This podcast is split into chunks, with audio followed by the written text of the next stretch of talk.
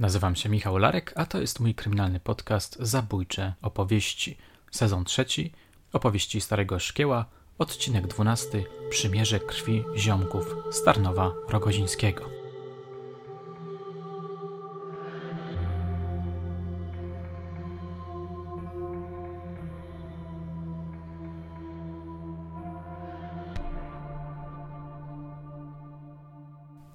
Przyglądaliście się kiedyś na Facebooku profilowi zabójcy? Ja właśnie to robię.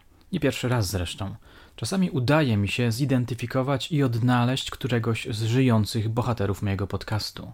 Tak, mordercy po odbyciu kary, po opuszczeniu więzienia, wtapiają się niekiedy w tłum, zakładają rodziny, prowadzą tak zwane normalne życie, być może nawet w niektórych wypadkach szczęśliwe – zakładają profile w mediach społecznościowych. To hipnotyzujące doświadczenie skrolowania ich profili. W trakcie jego trwania w mojej głowie pojawia się oczywiście jedno zasadnicze pytanie: czy oni pamiętają o swojej zbrodni? Zaraz potem nasuwają się kolejne pytania, które wprawiają mój umysł w stan dziwnego pobudzenia. Czy myślą o niej? Czy często wracają do niej? Czy mają wyrzuty sumienia? Czy mają koszmary, w których po raz kolejny zabijają niewinnego człowieka? Czy trzymają ją w tajemnicy? A może jednak powiedzieli o swojej zbrodni rodzinie, dzieciom? Jeśli tak, to jak ją wytłumaczyli? Jak rodzina na to zareagowała? Czy mu wybaczyła, rozgrzeszyła go? No i w pewnym momencie nasuwa się szczególnie niepokojące pytanie: czy tamto zabójstwo to już absolutnie zamknięty rozdział? Patrzę na profil i widzę uśmiechniętego, sympatycznego mężczyznę w okolicach pięćdziesiątki czy to naprawdę jest on? Czy to jest morderca, o którym opowiadam w niniejszym odcinku? Może to tylko zbieżność kluczowych danych? Może, choć wątpię w to. Jak się domyślacie, moja pisarska wyobraźnia pracuje teraz na pełnych obrotach. Moje drogie, moi drodzy, przeniosę was dzisiaj w czasie do przełomu lat 80. i 90.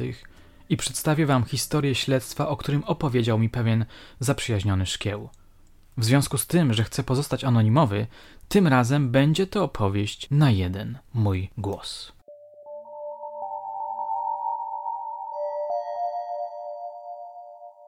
Jest 9 sierpnia 1989 roku. Znajdujemy się w sosnowym młodniku nieopodal Tarnowa Rogozińskiego i Laskowa. Jeśli pobudzimy wyobraźnię, zobaczymy w owym lesie grzybiarza, który w trakcie spaceru nagle dostrzega białą dacie – taksówkę bez numeru bocznego.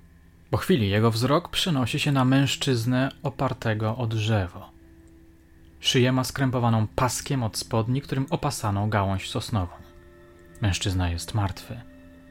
Drzwi samochodu są otwarte. Na ziemi leżą różne przedmioty, zazwyczaj znajdujące się w bagażniku. Grzybiarz uprzytamnia sobie, że właśnie znalazł się na miejscu zbrodni. Mój szkieł mówił, że na pierwszy rzut oka wyglądało to na samobójstwo. Gdy w październiku tamtego roku Anna Forecka opisze sprawę, zada bardzo ważne dla śledztwa pytanie: samobójstwo czy morderstwo? Po czym za chwilę oznajmi, że było to jednak morderstwo. Pasek nie zaciskał szyi, wyjaśni, a młoda gałązka sosny, do której przymocowano pasek, pozostała w stanie nienaruszonym. Krótko mówiąc, ktoś zatem upozorował samobójstwo taksówkarza w sposób nieudolny. Wezwano milicję. Do akcji ruszył pies tropiący, który za każdym razem, jak opowiadał Miszkieł, po podjęciu śladu od samochodu szedł lasem w kierunku drogi krajowej nr 11, a następnie dochodził do przystanku PKP Tarnowo-Rogozińskie, gdzie kończył tropienie.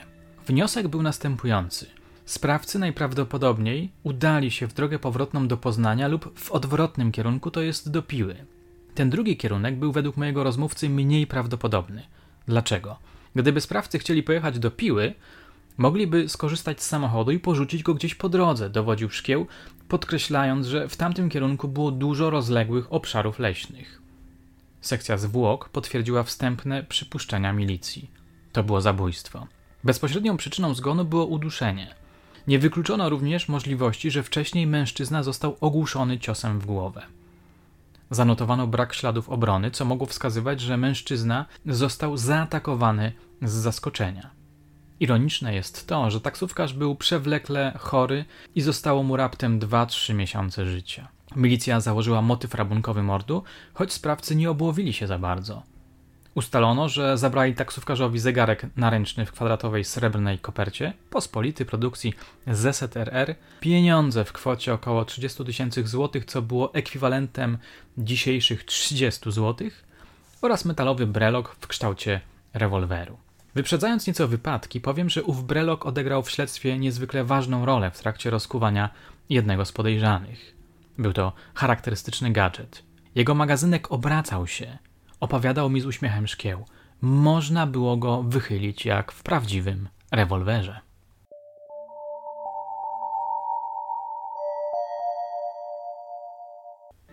Ofiarą był 66-letni Józef P., mieszkaniec Poznania. Człowiek lubiany, poważany, sumienny. Koledzy po fachu wyrażali się o nim bardzo pochlebnie. Nosił się z zamiarem rychłego przejścia na emeryturę, pisała Forecka. I dlatego właśnie po nabyciu nowego samochodu nie oznakował bocznych drzwi numerem taksi. Zainstalował tylko na dachu pojazdu plastikowego koguta. Dziennikarka tygodnika pilskiego poświęciła mu w swoim artykule całkiem sporo miejsca, dlatego możemy go troszkę lepiej poznać. Jak każdy człowiek miał swoje przyzwyczajenia i zasady, pisała. Rzadko kiedy stawał na postoju taksówek, najczęściej zabierał pasażerów wprost z ulicy. Pracę zaczynał zwykle po południu, najczęściej około godziny 18, kończył zaś nie później niż o 22. Zdarzało się oczywiście, że jeździł dłużej, ale w takich sytuacjach zawsze powiadamiał żonę o późniejszej godzinie powrotu do domu. Tak na przykład było 6 sierpnia, gdy jeden z pasażerów prosił go o pilny kurs do Olsztyna. Taksówkarz wówczas z niezłomną zasadą dzwonił do żony, by poinformować ją o dalekiej trasie. W dniu zabójstwa, czyli 8 sierpnia, pojawił się na osiedlu Chrobrego. Była wtedy 18. Wszedł na chwilę do mieszkania synowej, żeby odstawić wnuczkę. To one widziały go po raz ostatni, podkreśliła dziennikarka. Grupa operacyjno-śledcza z Pilskiej Komendy Wojewódzkiej wzięła się do roboty. Najpierw rozpytano mieszkańców okolicznych wiosek, m.in. Tarnowa i Laskowa, opowiadał mi Szkieł. W tej pierwszej miejscowości natrafiono na panią, która oznajmiła, że 8 sierpnia w trakcie emisji dziennika telewizyjnego, czyli pomiędzy 19.30 a 20, widziała przez okno kuchenne jadącą od strony Rogoźna białą taksówkę z rejestracją poznańską, która skręciła do Laskowa. Taksówka zapadła jej w pamięć. Kobieta miała zwrócić się do syna, że ktoś zafundował sobie taksówkę do Laskowa. W pewnym momencie pojawił się też jeszcze jeden świadek, ale notatka służbowa dokumentująca jego relacje zawieruszyła się. Gdy za jakiś czas funkcjonariusze wezmą ją pod lupę, w śledztwie nastąpi przełom. Tymczasem zakończono czynności w okolicach miejsca zbrodni. Niestety nie znaleziono niczego, co popchnęłoby sprawę do przodu. Wiadomo było tylko, że pan Józef wieczorem jechał szosą na trasie Poznań-Piła, przed Tarnowem skręcił w prawo, w drogę prowadzącą do Laskowa. Do samego Laskowa nie dotarł. Po przejechaniu niespełna pół kilometra od Tarnowa, doprecyzowywała w cytowanym już tekście Forecka, samochód zboczył w leśną drogę. Tam właśnie znaleziono martwego taksówkarza. 10 sierpnia pilscy śledczy pojechali do Poznania, żeby tam kontynuować działania. Wielu z nich miało przy sobie fotki zegarka i breloka.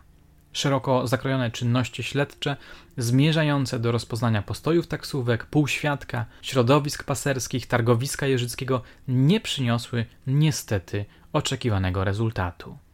Wraz z upływającym czasem animosz grupy operacyjnej wygasał. Na placu boju pozostał, jak zawsze w takiej sytuacji, jeden dochodzeniowiec oraz ktoś z kryminalnych. Przyszła jesień, potem nastała zima. Zanosiło się na to, że śledztwo zostanie umorzone. W końcu zaczął się rok 1990, a wraz z nim wielkie zmiany w Polsce. Dla nas istotne jest to, że milicja obywatelska przekształcała się w policję. Któregoś dnia wieczorem zasypiałem jako milicjant, śmieje się mój szkieł, a rano wstałem już jako policjant. Towarzysze oficerowie zmienili się w panów oficerów. Nastały zatem szalone lata dziewięćdziesiąte. Wiosną tamtego pamiętnego roku do sprawy, która utknęła w miejscu, został włączony mój rozmówca. Ktoś skądś wyciągnął zawieruszoną notatkę służbową i wręczył mojemu szkiełowi. Sprawdź to, powiedział. To sprawdzenie miało być ostatnią czynnością w śledztwie, które formalnie było już umorzone. Gdyby nic z tego nie wynikło, sprawa zostałaby zapewne już na zawsze niewykryta. No i właśnie wtedy nastąpił przełom, który doprowadził policjantów do sprawców zabójstwa taksówkarza.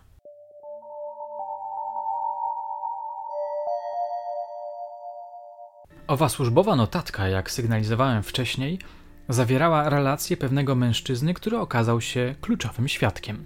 Żeby do niego dotrzeć, opowiadał Miszkieł, trzeba było spotkać się z autorem informacji. To jest dzielnicowym z Rogoźna. Pojechaliśmy do niego. Ten niechętnie, ale ostatecznie ujawnił dane faceta. Będę nazywał go Maxem. Do rozmowy z Maxem przygotowywaliśmy się kilka dni. Ustaliliśmy na przykład, że klient mówił któregoś razu w rozmowie ze znajomymi, że niby widział dziwną taksówkę, bo bez numeru bocznego, ale z kogutem, jadącą od Rogoźna w kierunku Tarnowa. Dostrzegłszy za kierownicą starszego pana, mruknął do siebie: O, dziadek dorabia sobie na taksówce. W tym miejscu trzeba zastrzec, że podobnych informacji, aczkolwiek mniej treściwych, było z początku wiele, jednak żadna nie przyczyniła się do rozwoju sprawy. O takich osobach, świadkach pisały nawet media w pierwszych dniach śledztwa. Wbrew temu liczyliśmy jednak na to, że Max, który zauważył taksówkę niedaleko miejsca zbrodni, dopowie nam coś więcej. Kto wie, może widział sprawców, mówiliśmy do siebie, może coś mu się rzuciło interesującego w oczy. W końcu któregoś popołudnia pojechałem z kolegą do rogozińskiego komisariatu, w którym zaaranżowano spotkanie z Maxem.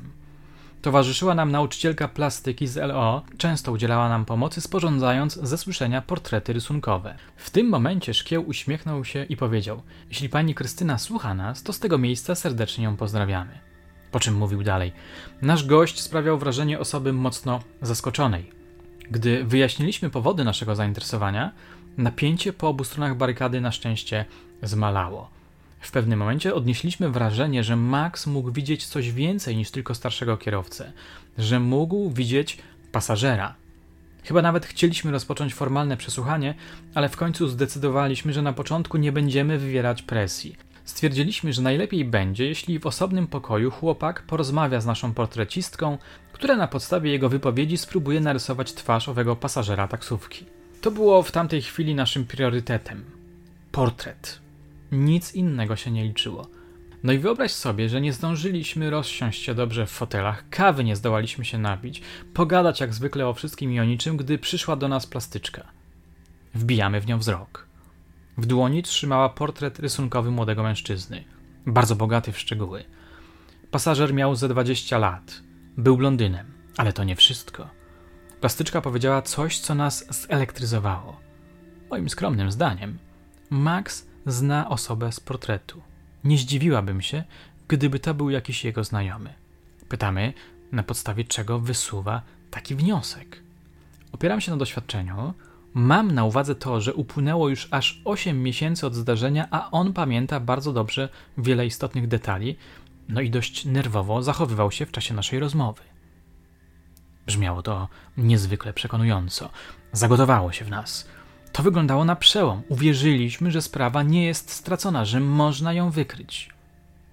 Skopiowaliśmy rysopisy i podziękowaliśmy znakomitej plastyczce, którą nasz kierowca odwiózł do piły.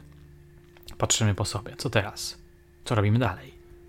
Zaczęliśmy się zastanawiać, jak przekonać Maxa, żeby zdradził nam tożsamość pasażera, czyli prawdopodobnie mordercy. Postanowiliśmy pogadać z nim nieformalnie, na luzie. Zaprosiliśmy Maxa do pokoju, gdzie na biurku leżał jeszcze ciepły portret rysunkowy. Chłopak usiadł.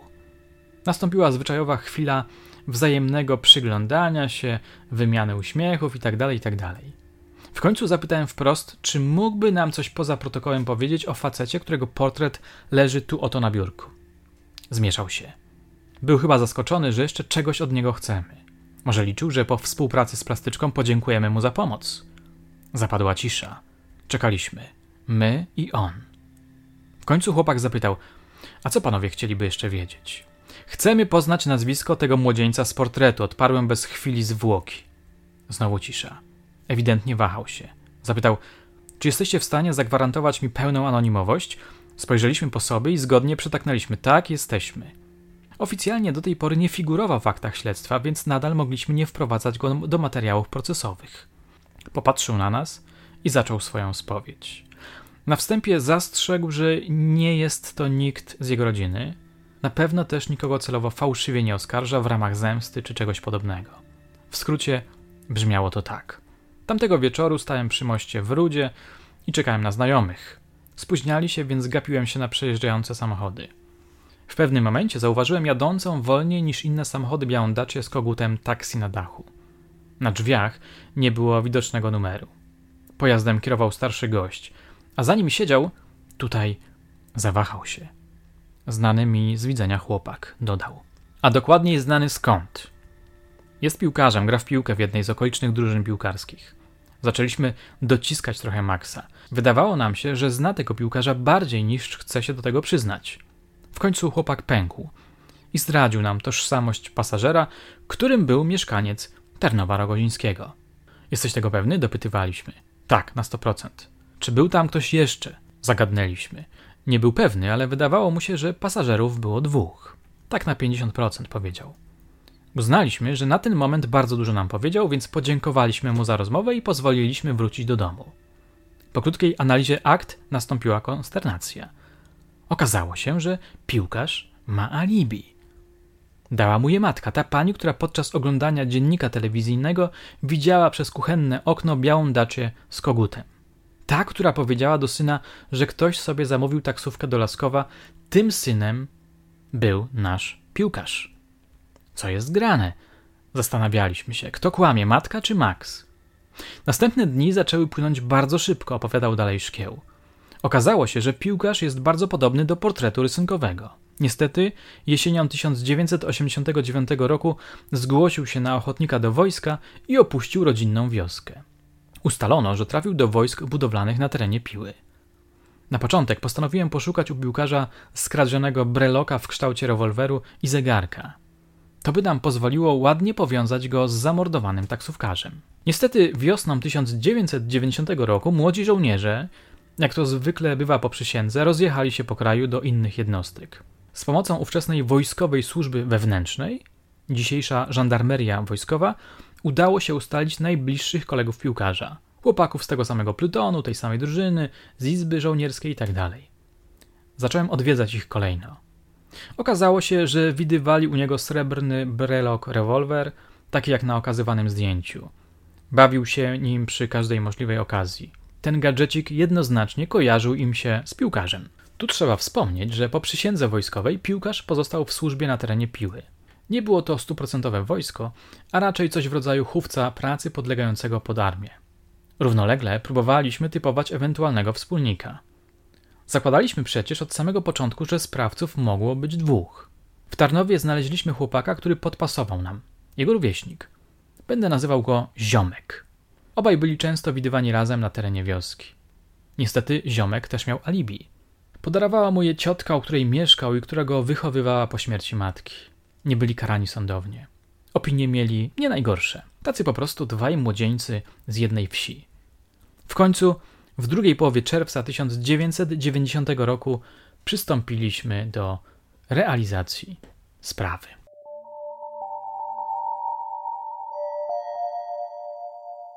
Za zgodą dowódcy oddziału i za wiedzą WSW zabraliśmy piłkarza na rutynowe przesłuchanie do siedziby Komendy Wojewódzkiej w sprawie zabójstwa taksówkarza. Opowiadał dalej Szkieł. Oczywiście nie było mowy o tym, że podejrzewamy go o nie. Oficjalnie chcieliśmy zapytać, czy coś wie na ten temat. Wstawiliśmy jakąś legendę, aby pod jej pozorem zorientować się, kim będzie nasz przeciwnik. Nie spieszyliśmy się. Nie miał przy sobie breloka i zegarka. Liczyliśmy, że po naszej rozmowie piłkarz w najbliższy weekend pojedzie na przepustkę do domu i spotka się z ziomkiem.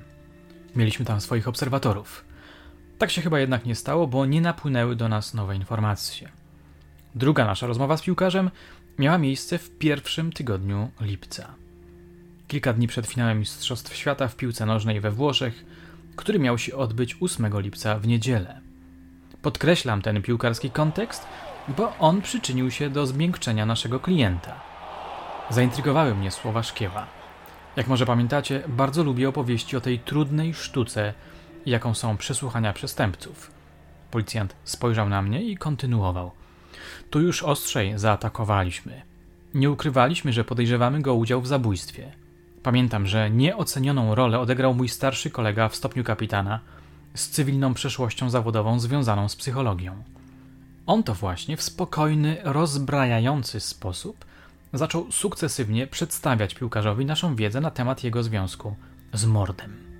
Wrzuciliśmy wątek breloka. On cię wiąże ze zdarzeniem, dowodziliśmy. Piłkarz nie miał pola manewru. Chłopak nie mógł wiarygodnie zaprzeczać, że takowy brelok posiadał. Nie chciał jednak powiedzieć, skąd go miał. Czas mijał, on cierpiał na krześle, bił się zapewne ze swoimi myślami, my natomiast trwaliśmy w niepewności, siedząc za biurkiem. W ramach przerw wtrącaliśmy tematy piłkarskie, co pobudzało klienta do rozmów. W końcu zaczęliśmy przedstawiać wersję podaną przez Maxa. Daliśmy mu do zrozumienia, że mamy naocznego świadka, który widział go w taksówce kilka kilometrów przed miejscem zabójstwa. Zaniepokoił się, może przeraził, już dzisiaj dokładnie nie pamiętam. Po kilku godzinach walki w końcu zaryzykowałem i zapytałem, czy zależy mu na obejrzeniu finału Mistrzostw Świata. Miałem fuksa. Trafiłem w czuły punkt. Po krótkim czasie usłyszeliśmy, że właśnie po mistrzostwach powie nam co i jak. W tym miejscu należy dodać, że piłkarz nie miał oficjalnie statusu osoby podejrzanej. Nie mógł mieć z uwagi na to, że śledztwo było już wtedy umorzone.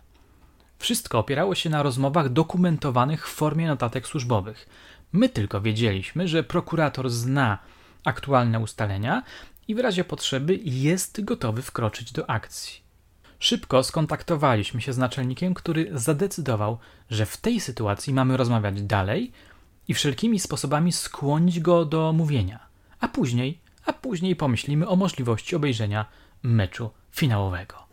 Wznowiliśmy zatem przesłuchanie. Kolega zaczął cierpliwie tłumaczyć piłkarzowi, że musi powiedzieć dla własnego dobra, tu i teraz, co się wydarzyło 8 sierpnia 1980 roku w Lasku obok Tarnowa Rogozińskiego. Powiesz prawdę i wszystko się jakoś ułoży. Zadziałało. Piłkarz zdecydował się mówić. Spotkali się z ziomkiem 8 sierpnia i postanowili pojechać do Poznania. Zamierzali powłóczyć się po mieście, pochodzić po sklepach, poglądać wystawy, może coś sobie kupić.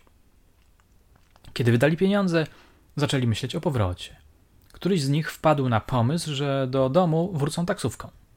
Tylko jak zapłacą? Postanowili, że tym się będą martwić później. Może rodzice albo znajomi zasponsorują, a może co innego się wymyśli. Nieważne, nie ma sensu przejmować się na zapas. Stanęli przed taksówką. Była to biała dacia. W środku siedział starszy pan, który czytał sobie gazetę. Zagadnęli go, usiedli na tylnym siedzeniu. Samochód ruszył w stronę Piły. Trasa z Poznania do Tarnowa Rogozińskiego wynosi mniej więcej 60 km, to jest jakaś godzina jazdy. Gdy zbliżali się do Tarnowa, poprosili, żeby pan Józef skręcił do Laskowa. W pewnym momencie poprosili o zatrzymanie się. Postanowili uciec do lasu. Taksówkarz chwycił piłkarza za rękę. Równocześnie sięgnął po kawałek pręta, który miał gdzieś koło swoich nóg. Wywiązała się szarpanina. Doszło do rękoczynów. Taksówkarz zasłabł i upadł. Wystraszyli się, że spowodowali jego śmierć. Uznali, że trzeba samochód i ciało ukryć w lesie. Zdołali wciągnąć taksówkarza na tylne siedzenie. Piłkarzowi udało się wjechać w najbliższą przecinkę. Ostatecznie samochód zatrzymał się w młodniku. Wywlekli taksówkarza na zewnątrz. Wpadli na pomysł upozorowania jego samobójstwa. Wyjęli z jego spodni pasek, zrobili z niego pętlę i zamocowali na szyi mężczyzny. Piłkarz mocno ciągnął za pasek przez dłuższą chwilę. Razem przenieśli ciało pod drzewko młodnika, gdzie starali się zawiązać ten pasek tak, aby stworzyć wrażenie, że taksówkarz popełnił samobójstwo. Później, kiedy na komendzie pojawi się ziomek i również zostanie przesłuchany, powie, że piłkarz wpadł w furię, zaczął wyrzucać wszystko z wnętrza samochodu oraz bagażnika. Krzyczał przy tym, że trzeba wszystko podpalić dla zatarcia śladów. Nie udało mu się jednak znaleźć niczego, co mogłoby posłużyć za podpałkę, więc zrezygnował z tego pomysłu. Z ręki taksówkarza zabrali zegarek, a z samochodu brelok oraz drobne pieniądze z portfela. Podzielili się fantami i pieniędzmi. Ziomkowi przypadł chyba zegarek, który i tak gdzieś zapodział. Było już dość ciemno. Postanowili wracać do domów. W oddali słyszeli jadące samochody. Poszli w tamtym kierunku. Wyszli prawie na wprost przystanku PKP Tarnowo-Rogozińskie.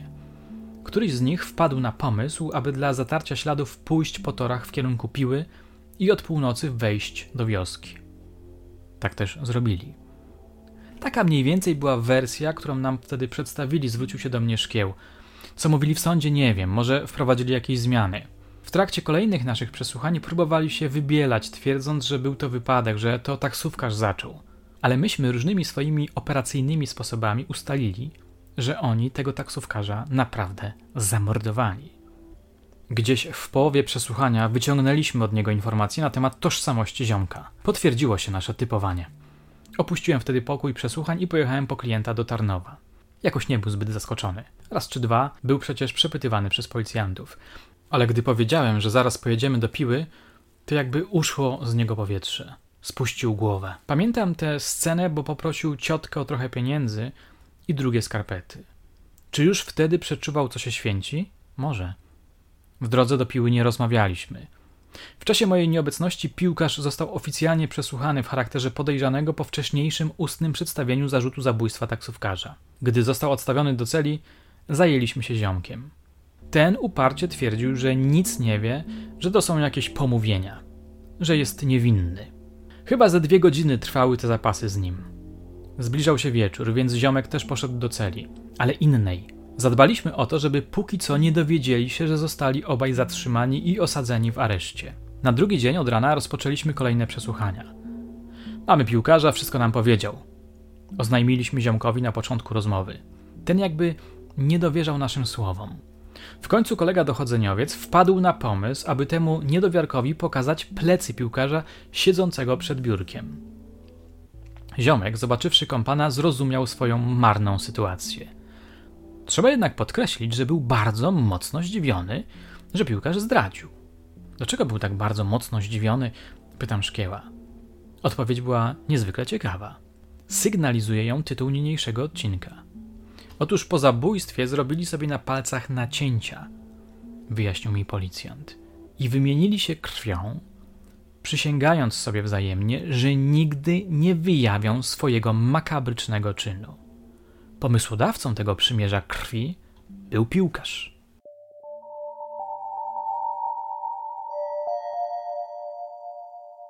Pamiętasz? Wspominałem o matce piłkarza. Zagadnął mnie szkieł. Gdy odwiedziłem ją, żeby powiadomić o zatrzymaniu syna i przeszukać mieszkanie, co było wymaganą formalnością, zachowywała się dość ofensywnie. Krzykiem zaprzeczała wszystkiemu. Ciągle powtarzała, że syn był z nią w domu, gdy taksówka skręcała do Laskowa. To było niesamowite. Prosiłem, żeby nie pogrążała syna swoimi wypowiedziami, ale była nieugięta. Cały czas twierdziła, że syn był z nią w domu. Do końca trzymała się tej wersji, kłamliwej wersji. Jakimi wyrokami skończyła się ta historia? Zapytałem. Z uwagi na swój młodociany wiek, w chwili popełnienia czynu nie dostali dużych wyroków. Chyba po 15 lat, ale nie mam tu stuprocentowej wiedzy. Już na pewno są na wolności. Ciekawe, co teraz robią. No właśnie. Co teraz robią? Zmierzając do końca niniejszego odcinka, wracam do pytania, które postawiłem na samym początku. Czy morderca po wyjściu z więzienia czuje jeszcze swoją zbrodnię? Znowu zerkam na profil mordercy i wpatruję się w jego uśmiech. Dziwne to uczucie. Moje drogie, moi drodzy, na dzisiaj to wszystko. Dziękuję Wam za serdeczną uwagę. Do usłyszenia już niebawem.